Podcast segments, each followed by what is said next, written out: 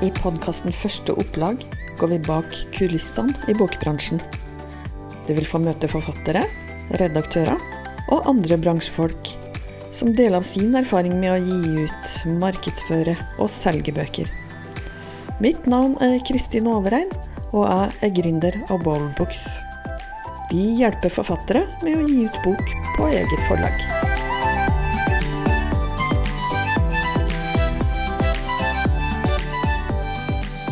I en tidligere episode av podkasten så lærte vi om hvordan vi kan bruke ulike grep når man skal skrive en roman, og så fortelle en historie. Og så sa du det til meg, redaktør Jørgen Moltebakk, at sånne grep som man bruker i fiksjon, det kan man faktisk også bruke når man skriver sakprosa og fagbøker. Ja, absolutt. Det var jo som jeg hørte den eh, episoden og tenkte at her var det mye interessant. Og, og så kommenterte jeg jo et eller annet sted på internett Kristin, at, at, eh, mange av disse grepene som man forbinder med skjønnlitteratur, kan man også bruke i andre typer litteratur. Og da tenkte jeg kunne vi jo snakke om. Ja, da, da fikk jeg med en gang lyst til å høre mer om det.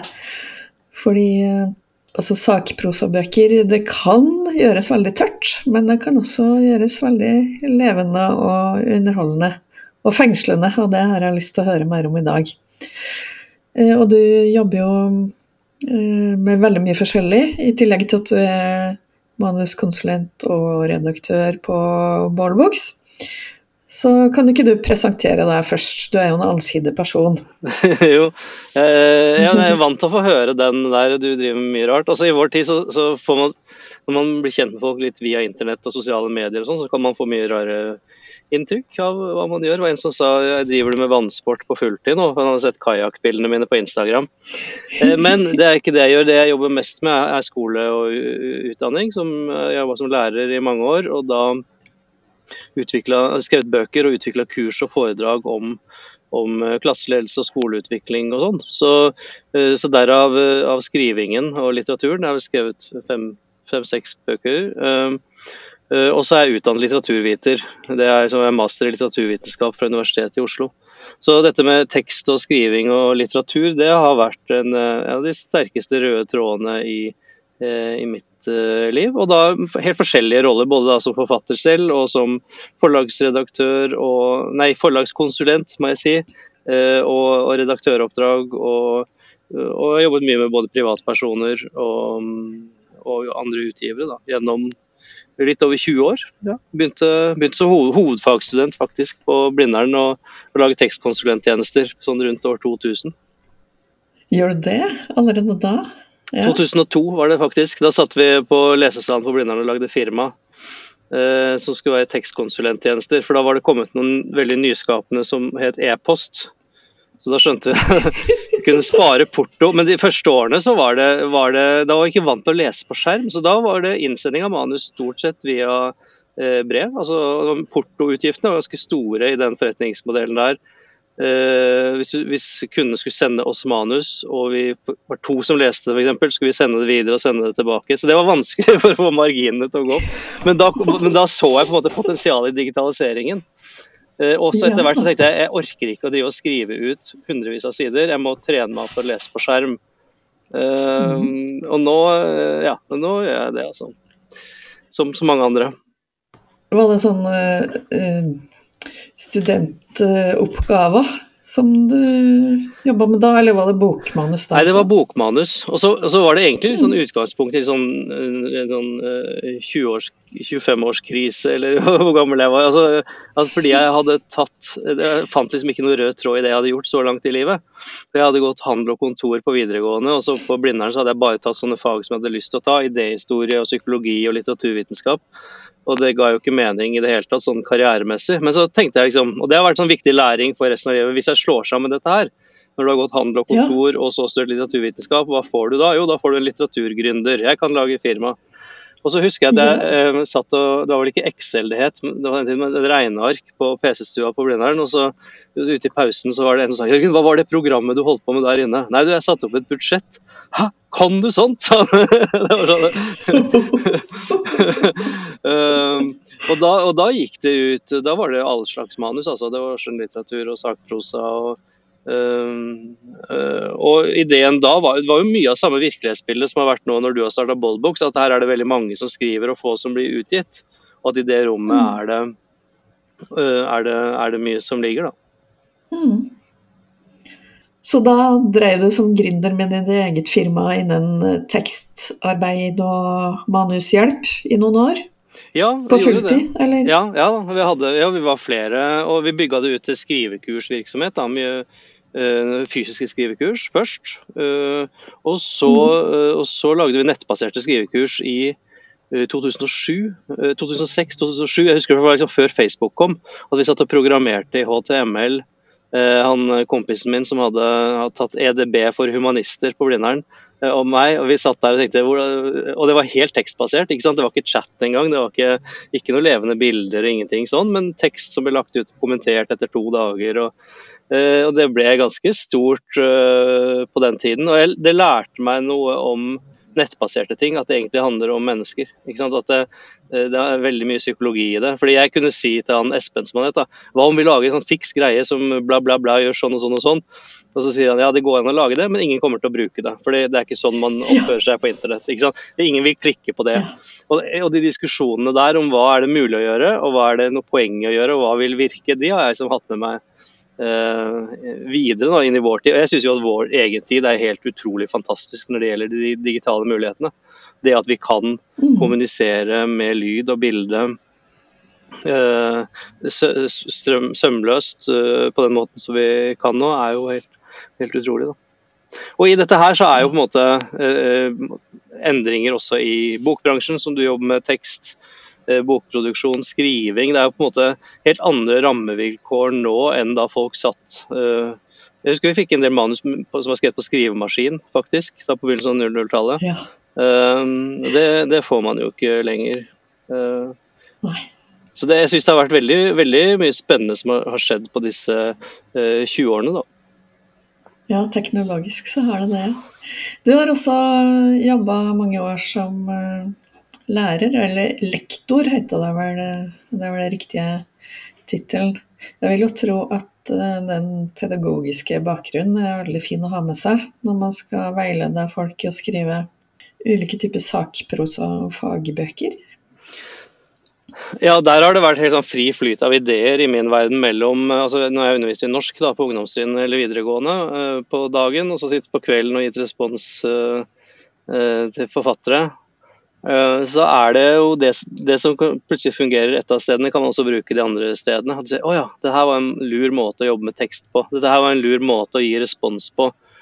Um, uh, så, så, det har vært uh, veldig nyttig, nyttig, begge veier. Og veldig mange som jobber med tekst, eller mange som har lyst til å skrive bok, er jo liksom preget av hva slags generasjon de er, hva slags norskopplæring de hadde på skolen. Ikke sant? Altså at de, mm, de og, ikke sant? Ja, du, kan, altså du merker at en del av den eldre garde er veldig vant til liksom, retting. ikke sant? Altså at kan du, kan du, bare si hva som er feil, så skal jeg rette opp feilene, og så er boka ferdig. Fordi jeg er vant til en sånn type pedagogikk som er sånn kladd, og så retter du feil, og så fører du inn. For å si det veldig enkelt. da. Ja. Eh, ja. Mens, mens, skriveopplæring i dag er jo ofte mye mer prosessorientert, og du skriver flere versjoner. Øh, og skriver om flere ganger osv. Ehm, mm. Så, så det, er, det, er, veldig, veldig interessant å, å, se hvordan det har endret seg. Ja, det hadde jeg ikke tenkt over, faktisk. Men betyr det da at hvis, eh, hvis du får en eldre person som kunde, så har han helt andre forventninger til hva han vil få i retur fra deg, enn en yngre person? Ja, nå blir jeg veldig sånn forenkla med eldre og yngre, og jeg begynte å tenke etter hvor gammel jeg selv er nå, for jeg må passe på hva jeg sier. Men, eh, eh, men ja, men jeg er veldig opptatt av å ha de forventningsavklaringene i starten. Ikke sant? Fordi jeg har opplevd det ofte når man jobba med de som kanskje har blitt refusert, da. Um, spesielt de første årene så, så, var det folk som hadde sendt inn til forlag og så blitt refusert, og så fått et blankt avslag eller, eller en litt sånn kort konsulentuttalelse som kanskje ikke sier dem så mye, så sier de ja, men du, bare, kan ikke du bare fortelle meg hva som er feil, skal jeg rette opp det, og så skal jeg sende inn på nytt. Og så, og så er det jo ofte ikke sånn, sånn man kan jobbe, da. Fordi det er, tekst er kompliserte greier. Ja. Um, mm. Går det an å fortelle, hvis du nå skal realitetsorientere meg, om, om hva jeg kan forvente å få tilbake fra deg når jeg sender inn et manus? Ja, Hvordan kan jeg forberede meg på hva jeg får tilbake? ja nei, det, det er jo spennende, for det kommer an på hva du sender, selvfølgelig. Men det, det som i hvert fall er viktig for min del, er å gi helt sånn konkrete tilbakemeldinger i selve teksten. Altså, Med mindre noe annet er avtalt, så gjør jeg alltid det. Fordi um, det, det jeg husker vi gjorde mye i begynnelsen, var å skrive uttalelser. Sånn som forlagsuttalelser. At du får liksom en tekst med vurderinger.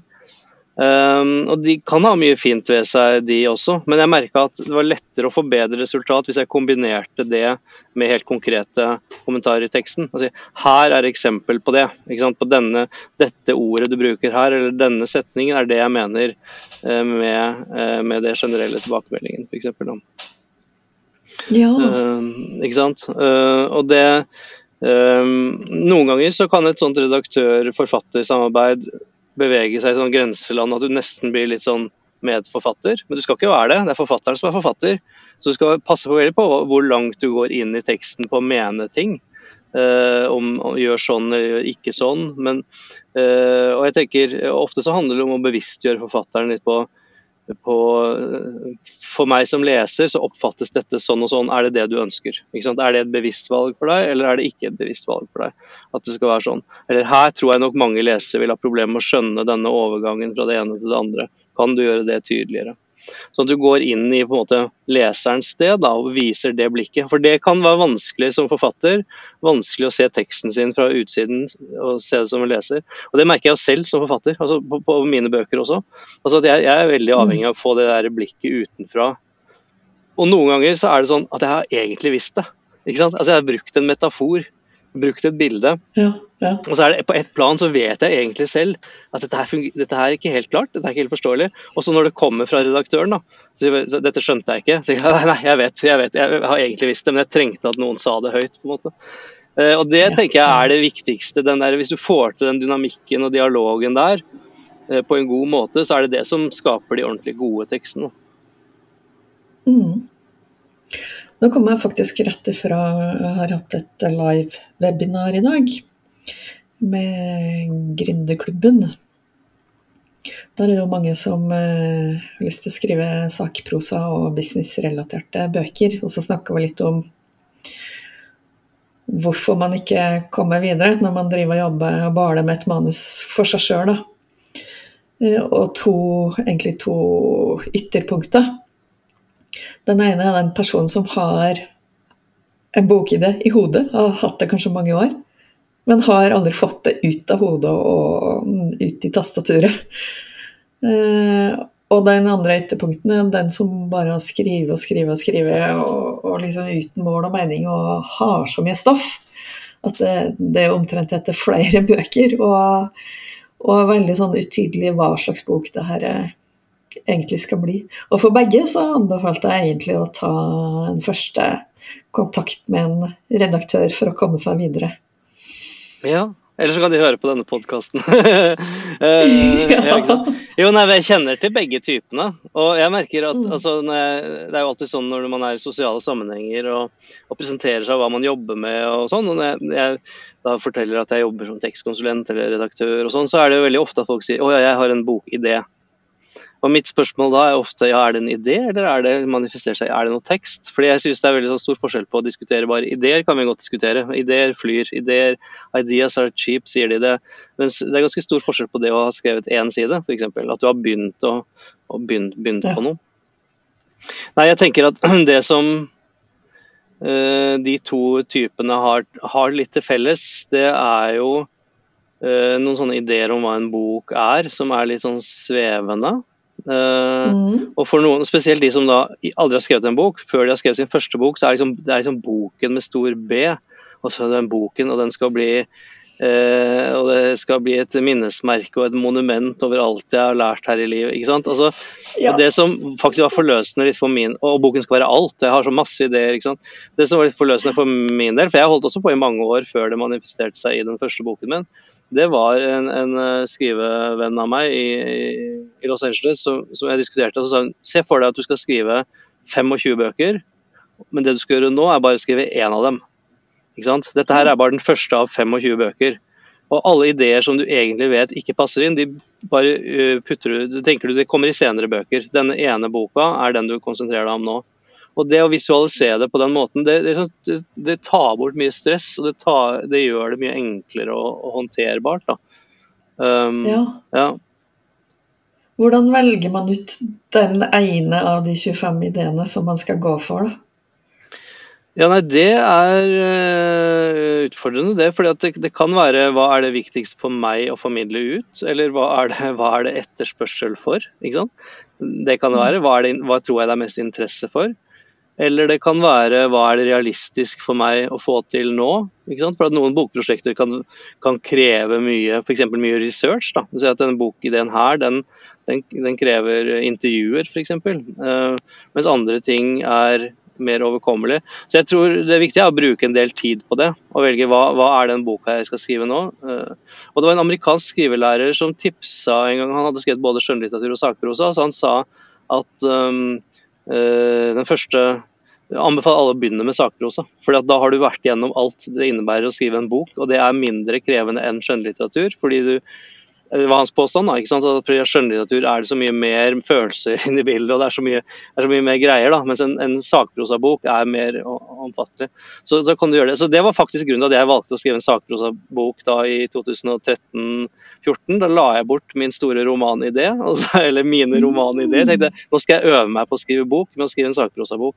Men så har jeg liksom bare fortsatt med det, for så har det stadig dukket opp nye prosjekter og nye ideer og, så, og ting som skulle bygge på hverandre. Så jeg har fremdeles den der, den der romanen uh, ligger på vent fremdeles. Og nå holder jeg på med en, en annen sakprosabok, jeg må ferdig den først. For jeg, jeg, har funnet For min del så funker det ikke å jobbe med flere ting samtidig. Det krever såpass mye konsentrasjon og kreativitet å liksom lande én bok at det å, det å, holde på med mange samtidig, det funker ikke for min del. Det er jo noen som får til det, men uh, ja. ja. Du kan jo gjerne si hvilke sakprosabøker du har gitt ut, hva de heter? Uh, ja, jeg har uh, ja, tenk meg om. Jeg, de to første bøkene heter 'Gnistrende undervisning' og 'Gnistrende samarbeid', som er um, som er uh, om klasseledelse og, og skoleutvikling. Og, og at jeg valgte den gnistrende undervisning, det var fordi jeg tenkte at dette er en bok som det mangler i markedet. Det var, det var en praksisnær bok. Uh, ikke så veldig akademisk. Uh, det skal være kul å lese. Det var liksom, altså, motto at det skal være en, en, bok som lærere leser frivillig. Altså, det var sånn jeg tenkte på hvert, hvert kapittel. Det, er det gøy å lese dette her? Uh, jeg var livredd for at det skulle være kjedelig. da.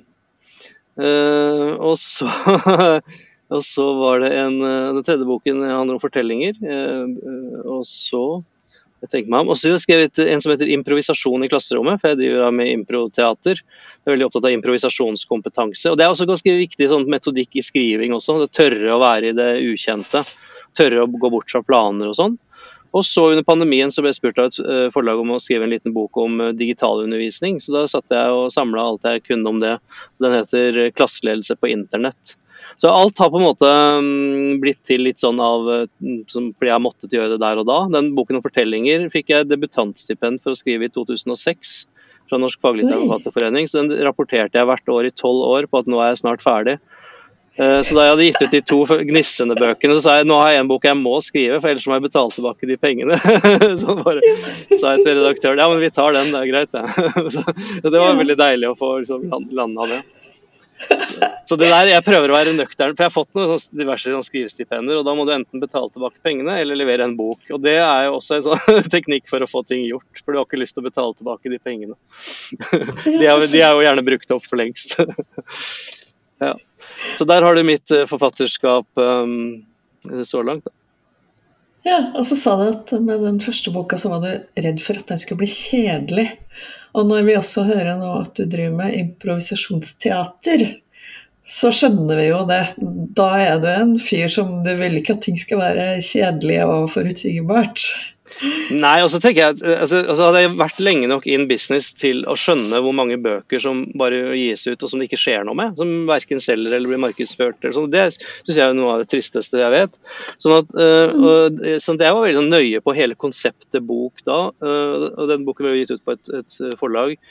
Og, og, og, jeg hadde valgt tittelen 'Gnistrende undervisning'. og Samme år så kom det ut en bok som het 'God undervisning'.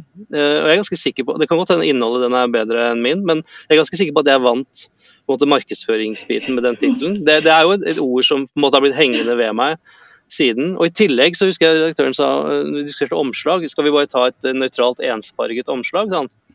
Altså, nei, det må være sterke farger, og det må være geometriske figurer som er så tydelige at de vises tydelig på internett på, på et lite bilde. Det, så tittelen og omslaget for min del var også en del av, av, av konseptutviklingen. Og det, ja, det funka, det, altså. I tillegg til at jeg var ekstremt opptatt av at det skulle omtrent være en page turner. At det, man skulle ha lyst til å lese videre, at det skulle være noe der hele tiden. Ja, Fortell litt mer om det. Hvordan gjør man en sakprosabok om til en page-turner?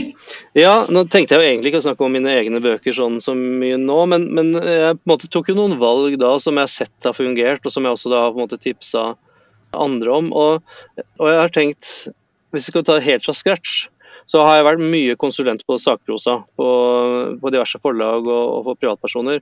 Og det som ofte mangler, jeg ser som mangler, er at det ikke står noe liksom, om hva 'What's in it for me' for leseren. Det er sånn forord og innledning. 'Hei, jeg, dette er en bok som handler om sånn, sånn, sånn, sånn, sånn bla, bla, bla, bla, bla, bla, bla, bla. bla. så alt hva den handler om. Altså ikke en eneste setning om For deg som leser, det jeg vil at du skal få ut av det, er ikke sant? Og Det behøver ikke stå i klartekst, men at du i hvert fall som forfatter har klart for deg hva, hva er det når, når, denne leseren da forhåpentligvis har kommet seg gjennom alle sidene og, og lukker boka, hva skal leseren sitte igjen med da? Hva, skal mm. leseren ha lært noe? Skal leseren være inspirert? Skal eh, leseren ha lyst til å gjøre noe? Altså skal, skal, skal mm. skapt en eller annen forandring? Og Ofte så tror jeg forfattere har det med seg på et eller annet ubevisst plan. De har liksom bare ikke formulert det helt. Men, men jeg tenker at det er faktisk ganske viktig at du etablerer det. Jeg er en forfatter, jeg er avsender av et budskap. og Jeg skal sende det til deg som mottaker, og jeg ønsker å oppnå noe. Jeg vil noe med dette her. Hvis ikke du vil noe med det, hvis jeg, om jeg har lyst til å lage en bok fordi det er gøy å skrive, f.eks., eller fordi jeg har alltid drømt om å bli forfatter, som mange sier. og Det er fint nok, det, men hvis bok, hvis du skal, du skal liksom kommunisere med noen, du skal gi noe til noen som gir dem noe uh, av verdi. Da. Og Det tenker jeg, Å begynne der er ganske viktig. altså. Mm. Og det henger jo også sammen med hvis man har veldig mange ideer, da. Og hvilken man skal velge blant de. Det henger jo sammen med hvilket budskap man har, og hva man vil at leseren skal sitte igjen med. Ja. Så, ja. Og det, det, er en, en, sjanger som kanskje er litt sånn eh, omstridt, men som jeg har vært veldig inspirert av, det er selvhjelpslitteraturen. Jeg synes, altså, ja. Selvhjelpsbøker, fordi på akkurat det der så er de veldig gode på at uh, liksom, her er en bok hvordan kan altså, gå ned i vekt eller tjene penger eller altså den type livsstilsendringer. Så kan du si at, at, at den er liksom omstridt fordi at uh, ofte de lover mer enn de holder. Men de, ofte, altså de bøkene er så veldig tydelige på, uh, tydelige på hva som er formålet med teksten. Altså det, det er, de vet, uh, vet, hva leseren skal sitte igjen med. Og kanskje den boken som har betydd mest for meg der, både på et personlig plan og som litteraturmann, det er fra 2004. Alan Carr 'Endelig ikke røyker'. Um, Nei, er som er, ja. altså På den tida så var det jo mange som røykte, jeg var jo dessverre en av dem. Uh, og, uh, og slutt, altså, kjøpte den boken i bokhandelen og leste gjennom og bladde om på siste side og var ferdig med å røyke. På en måte, det var, altså, jeg slutta å røyke i løpet av lesingen av den boken. Og For min del så var det jo deilig på et personlig plan, men også det å se, prøve å se hva gjør han i den boken. Hvordan klarer han å vri tankene altså Hvordan manipulerer han tankene til leseren. Det er en genial bok. Den er måten han på en måte ja, han, han, han, lufter uh, han, han, vet hvordan leseren tenker, han vet hvor leseren er, han vet hva leseren føler, og han manipulerer det. Og med manipulere så mener jeg det positivt, at han påvirker det. sånn når man blar om. Det var mange på den tiden som slutta med den boken der. og den har ja, Jeg har latt meg inspirere av den også i min egen skriving. Selv om det ikke handler om røyking, men det handler om helt andre ting. Hvordan kan du endre praksis? Hvordan kan du hmm, og hvordan skal du få leseren med deg hele veien? Da? Ja, interessant. Da handler det jo mye om, vil jeg tro, at boka starter på et sted hvor leseren eh, føler seg hjemme. da.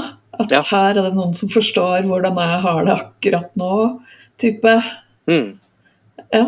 Ja, altså Det geniale han gjør der, sammenlignet med mange andre, er jo at han sier at som, eh, det er ingenting røykere frykter mer enn tanken på å ikke røyke. Altså, de tror, altså de er redd for at det skal skje forferdelige ting med dem hvis de slutter å røyke. Um, så Derfor skal du helst røyke så mye du klarer mens du leser denne boka. Altså, det er sånn, bare, så, og, og enhver stressa røyker liksom bare uh, Fingra, Fingre, tusen takk for jeg får lov til det. Og så, og så ble det siste linja, så bare hvorfor uh, har jeg kasta alle sigarettene mine i løpet av lesingen? bare, hvor, og jeg fri? Liksom, sånn. yes. Nei, så det, det, det var uh, en, en, veldig spennende tekst på mange plan. Da. Og jeg tenker, Men det å møte leseren der leseren er, altså det å ha en idé om hvem leseren er, det er riktig, altså jeg tenker at det er ganske viktig uavhengig av litteratur her. For Det er veldig fort gjort, hvis jeg spør en forfatter om hvem er målgruppen her, så handler det ikke nødvendigvis om markedsføringsspråk og sånn, men altså, hvem er din modell av en leser? Altså Hvem er det du skriver til? Hvem er det du kommuniserer mm. med? Og Det er det ofte folk ikke har tenkt på. Og så sier man jo, men jeg vil at det skal nå ut til alle. Det er et veldig vanlig svar. Jeg vil nå alle som er interessert, alle, eller alle mulige. Eh, men det er ofte en hjelp altså, ha en eller annen modell av en leser som du ser for deg. Og uh, når jeg skrev den første boken min, så så jeg for meg liksom en jeg så for meg en eller annen øy i Trøndelag, jeg, bare, vet ikke om den finnes i virkeligheten engang, hvor det var liksom, to engasjerte lærere på en ungdomsskole som egentlig var liksom misfornøyd med jobben, men som liksom tenker åh, disse her skriver jeg til. Disse kommer til å bli glad for å lese boken. Liksom, de som tenker åh, det er akkurat dette her jeg har mangla. Så de bildene der de har fremdeles liksom, modell av en leser. Um, og det er det, det, på en måte en god redaktør hjelper til med å lage. da, ikke sant? Bevisstgjør forfatteren på liksom, hvem, hvem, er det du egentlig skriver uh, til, og, og, hvordan vil den leseren oppfatte dette. Uh, uh, ja. Så det, det, er et mm. sted å, å begynne. Ja, og ikke, ja, det, jeg tenker det er veldig fort gjort. Man nå, vil nå ut til så mange, så tenker man alle og ser for seg en grå masse, nærmest. Mens eh, tvert imot så bør man se for seg kanskje bare én person, da. Ja, det er litt forskjellig fra altså, For noen kan det faktisk være en konkret person.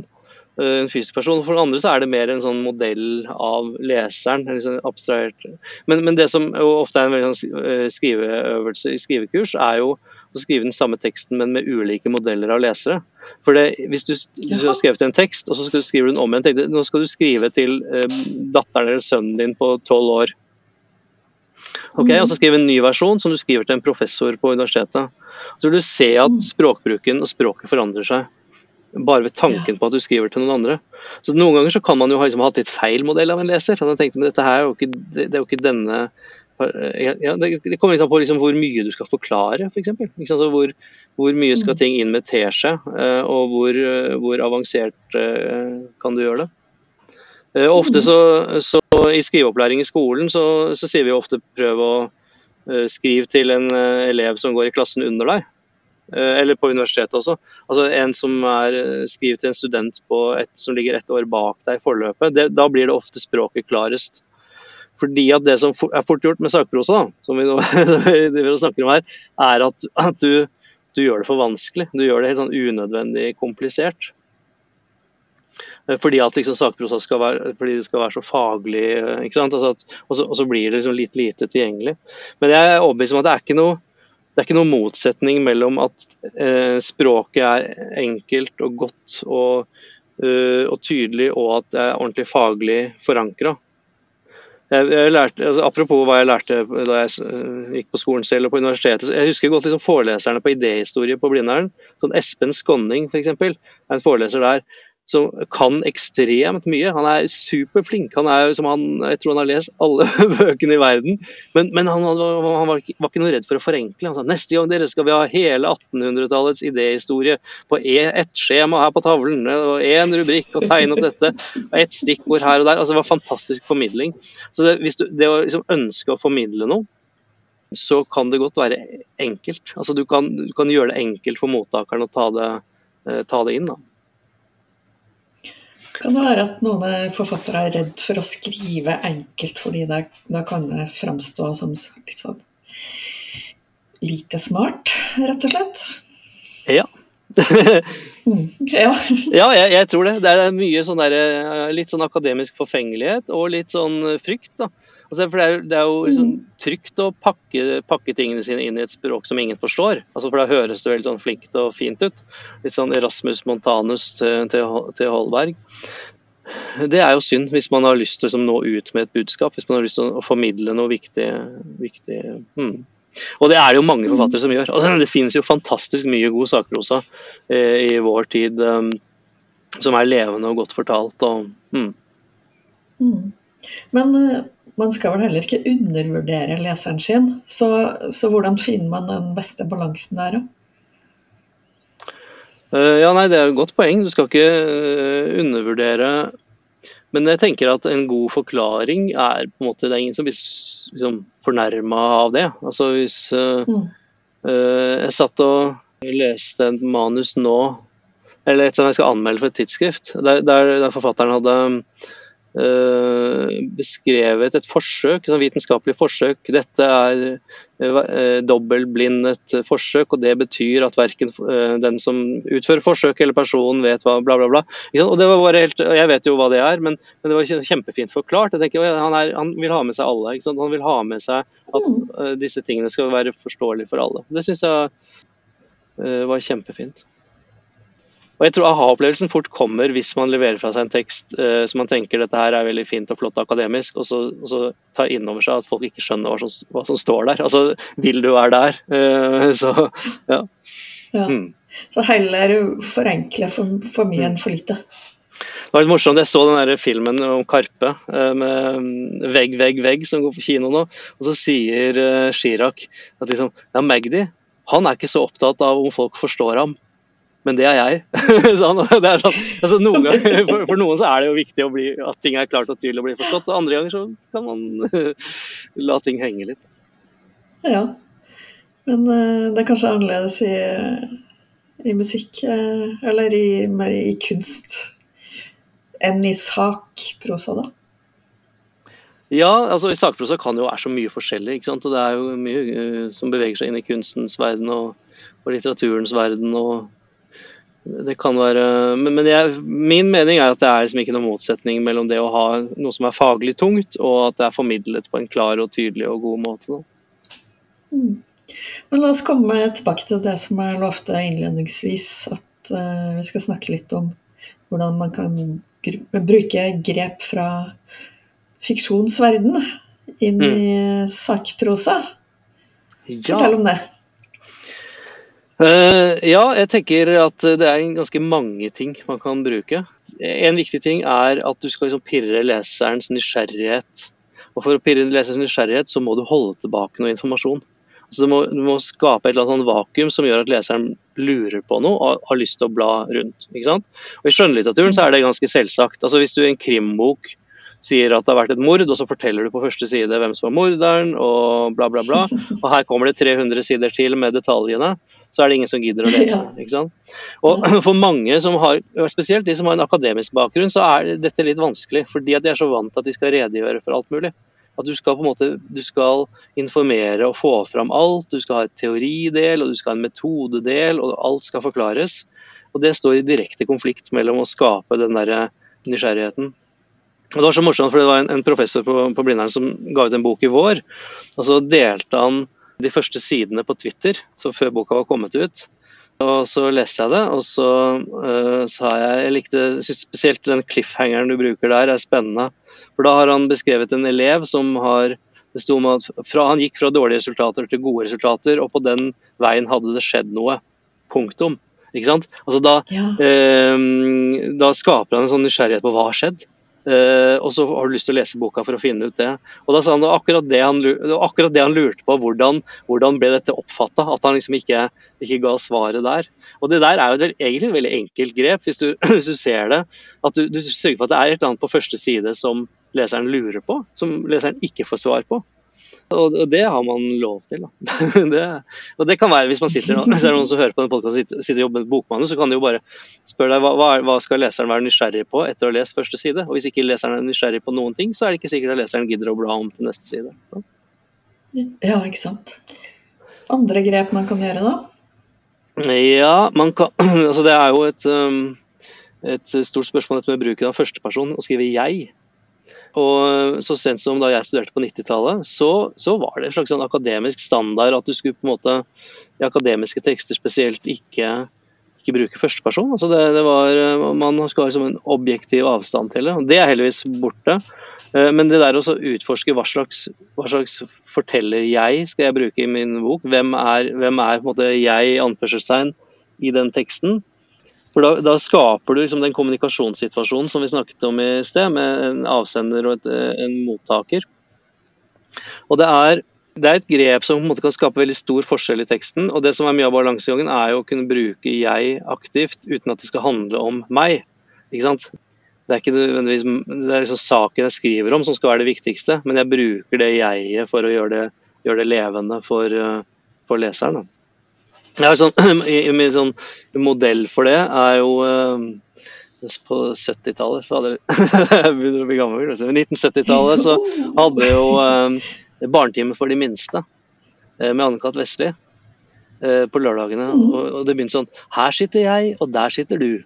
sånn, og nå skal vi lage en fortelling sammen. Og jeg syns at den er så altså Den der åpningen der Altså, at, at det, det, er det som også møter deg i begynnelsen av en bok. Hei, her er jeg, og der er du, og nå skal vi på, ut på en reise sammen. Altså Hvis du får til den på et eller annet vis, så blir teksten veldig levende. Og så, og så, kommer det jo til det som det skal handle om og alt mulig. Men at det ligger der som et sånt nivå i teksten, da. som et lag i teksten. Uh, at, at, du, at, du, husker det. At det er alltid noen som skriver og forteller, og det er alltid noen som, som tar imot. Da. Uh, og, det er, og, det er, gjort som nødløsning noen ganger når jeg har vært konsulent på bøker som har vært veldig kjedelige, da, for å være brutal.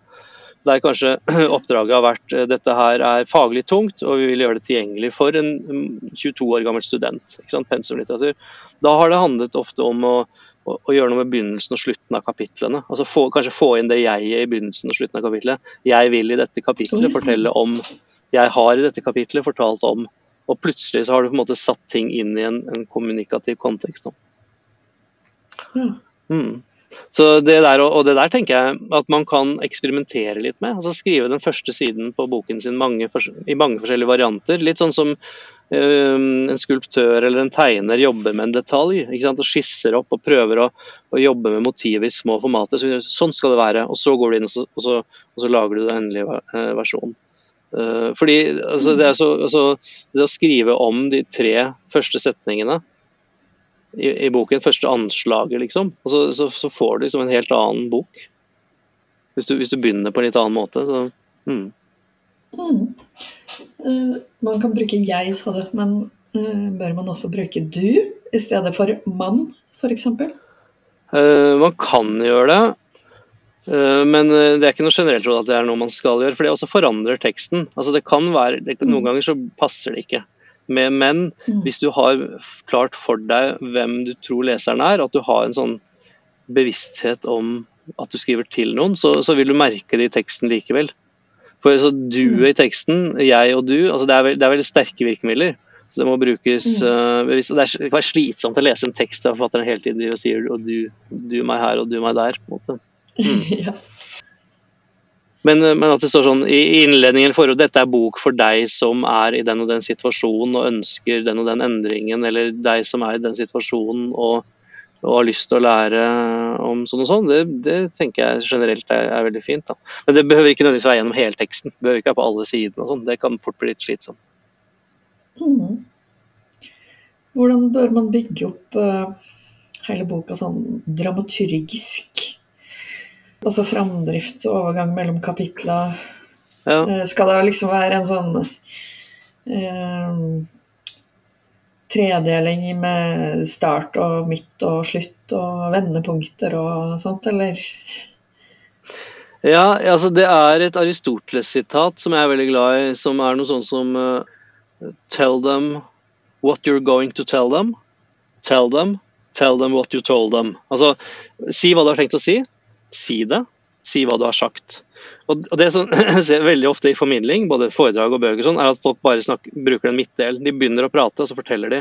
Men hvis du hele tiden har med den, den tredelingen der og sier ja, det dette kapitlet her handler om, er i dette kapitlet vil jeg skrive om sånn og sånn. Og Så kommer kortversjonen der i et avsnitt, og så kommer innholdet, og så avslutning. I dette kapitlet har jeg sagt sånn og sånn. Det er litt sånn som Dagsrevyen, altså nyhetene de, alltid til slutt De viktigste sakene i denne sendingen var Og da er jeg alltid veldig glad. Ja, det var det. det veldig, ja, det var det, ja. Det? Det, jeg sitter og ser på det. Takk, takk for det. Hjernen min er jo helt, har bare sittet og, og, tatt imot. Og det jeg tenker, og det, er ikke noe skjema man skal følge, men hvis man har med seg den, den derre der, så blir det veldig fint. Og da kan du i tillegg, det som jeg er veldig glad i, er mot slutten av et kapittel. Hvis du sier eh, som jeg har vist i dette kapittelet, eller det, det, viktigste i dette kapittelet er at bla, bla, bla, bla, bla. Og det er det vi skal over til i neste kapittel. Altså Én setning fra eller til der har ganske mye å si. At du liksom binder, lager overganger for leseren mellom de forskjellige delene. Og mange vil lure på men hva gjør jeg da? Og det handler det neste kapittelet om. ikke sant?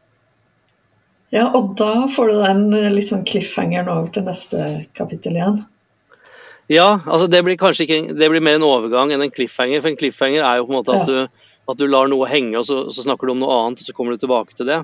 Uh, og det kan ja, man gjerne ja, og det tenker jeg, Man kan jo gjerne bruke jo, Selv om det er en sakprosabok, så kan du gjerne ha altså, fortellinger. Når jeg snakket om formidling, så pleier jeg ofte å fortelle om hvor nervøs jeg var uh, da jeg var 19 år og, ikke, og fikk svettetokter og, og skjelvinger av å skulle stå for en forsamling. Ja. Og nå skal jeg holde kurs i presentasjonsteknikk for dere. Ikke sant?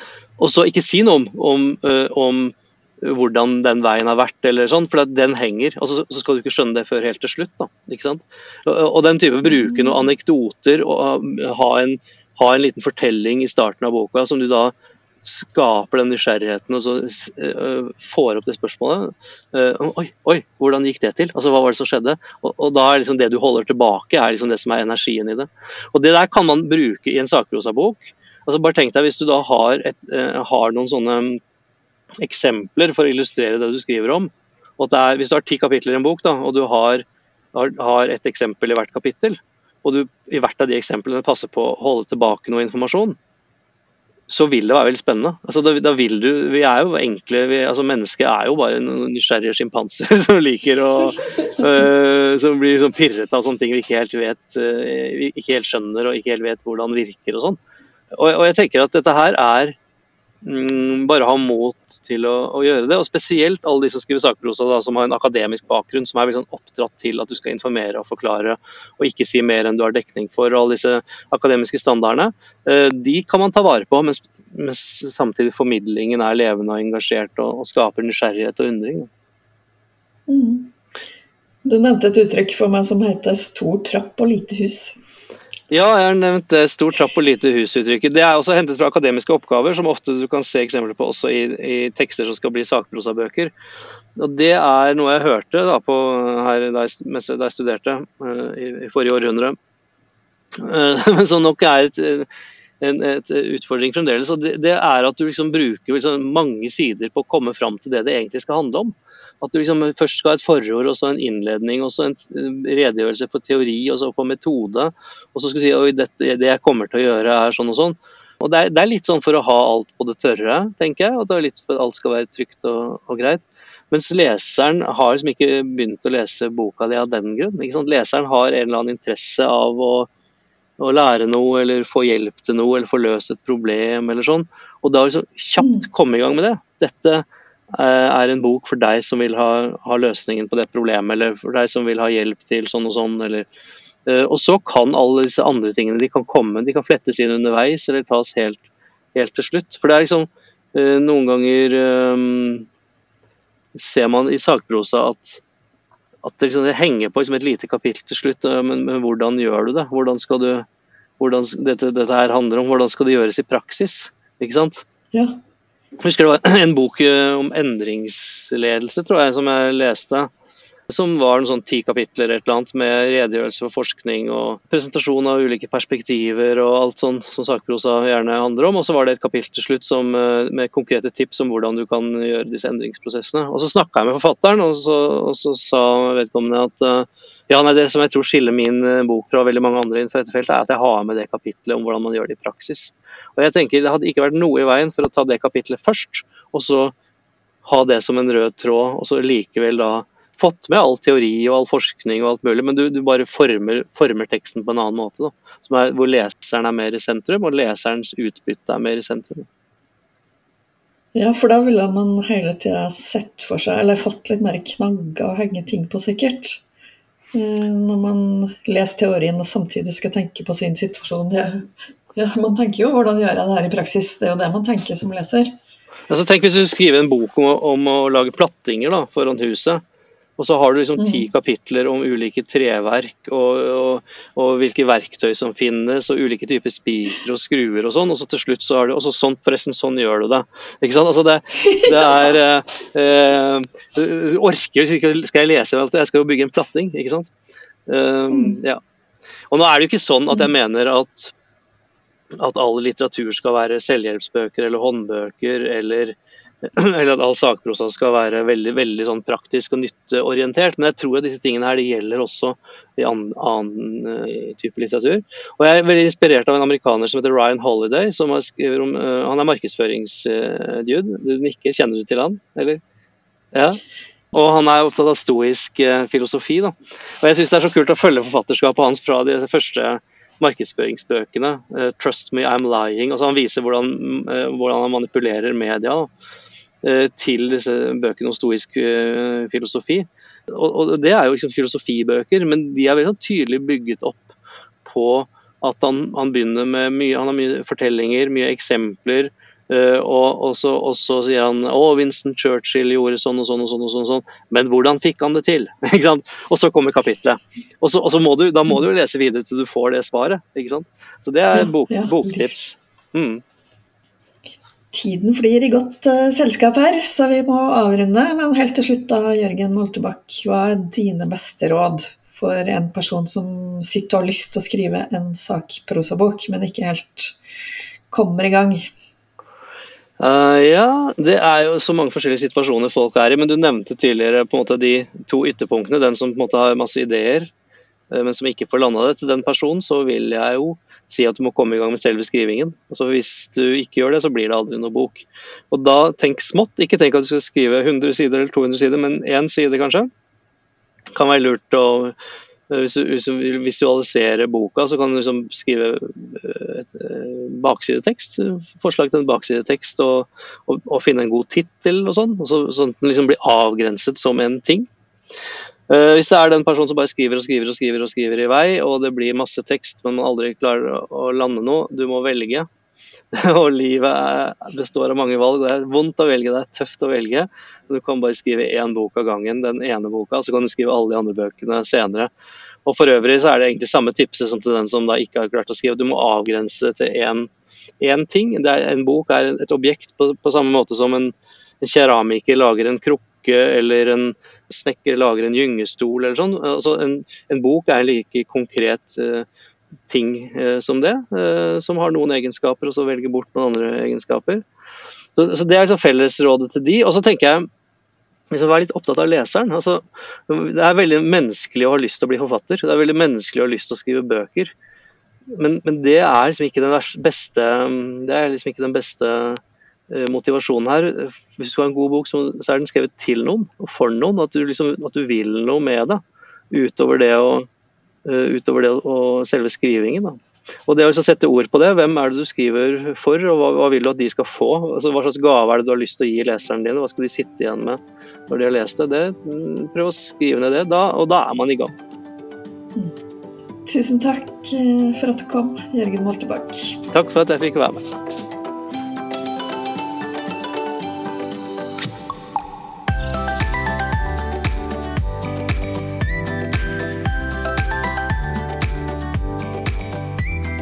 Du har hørt en episode av Første opplag, en podkast produsert av Bowlbooks.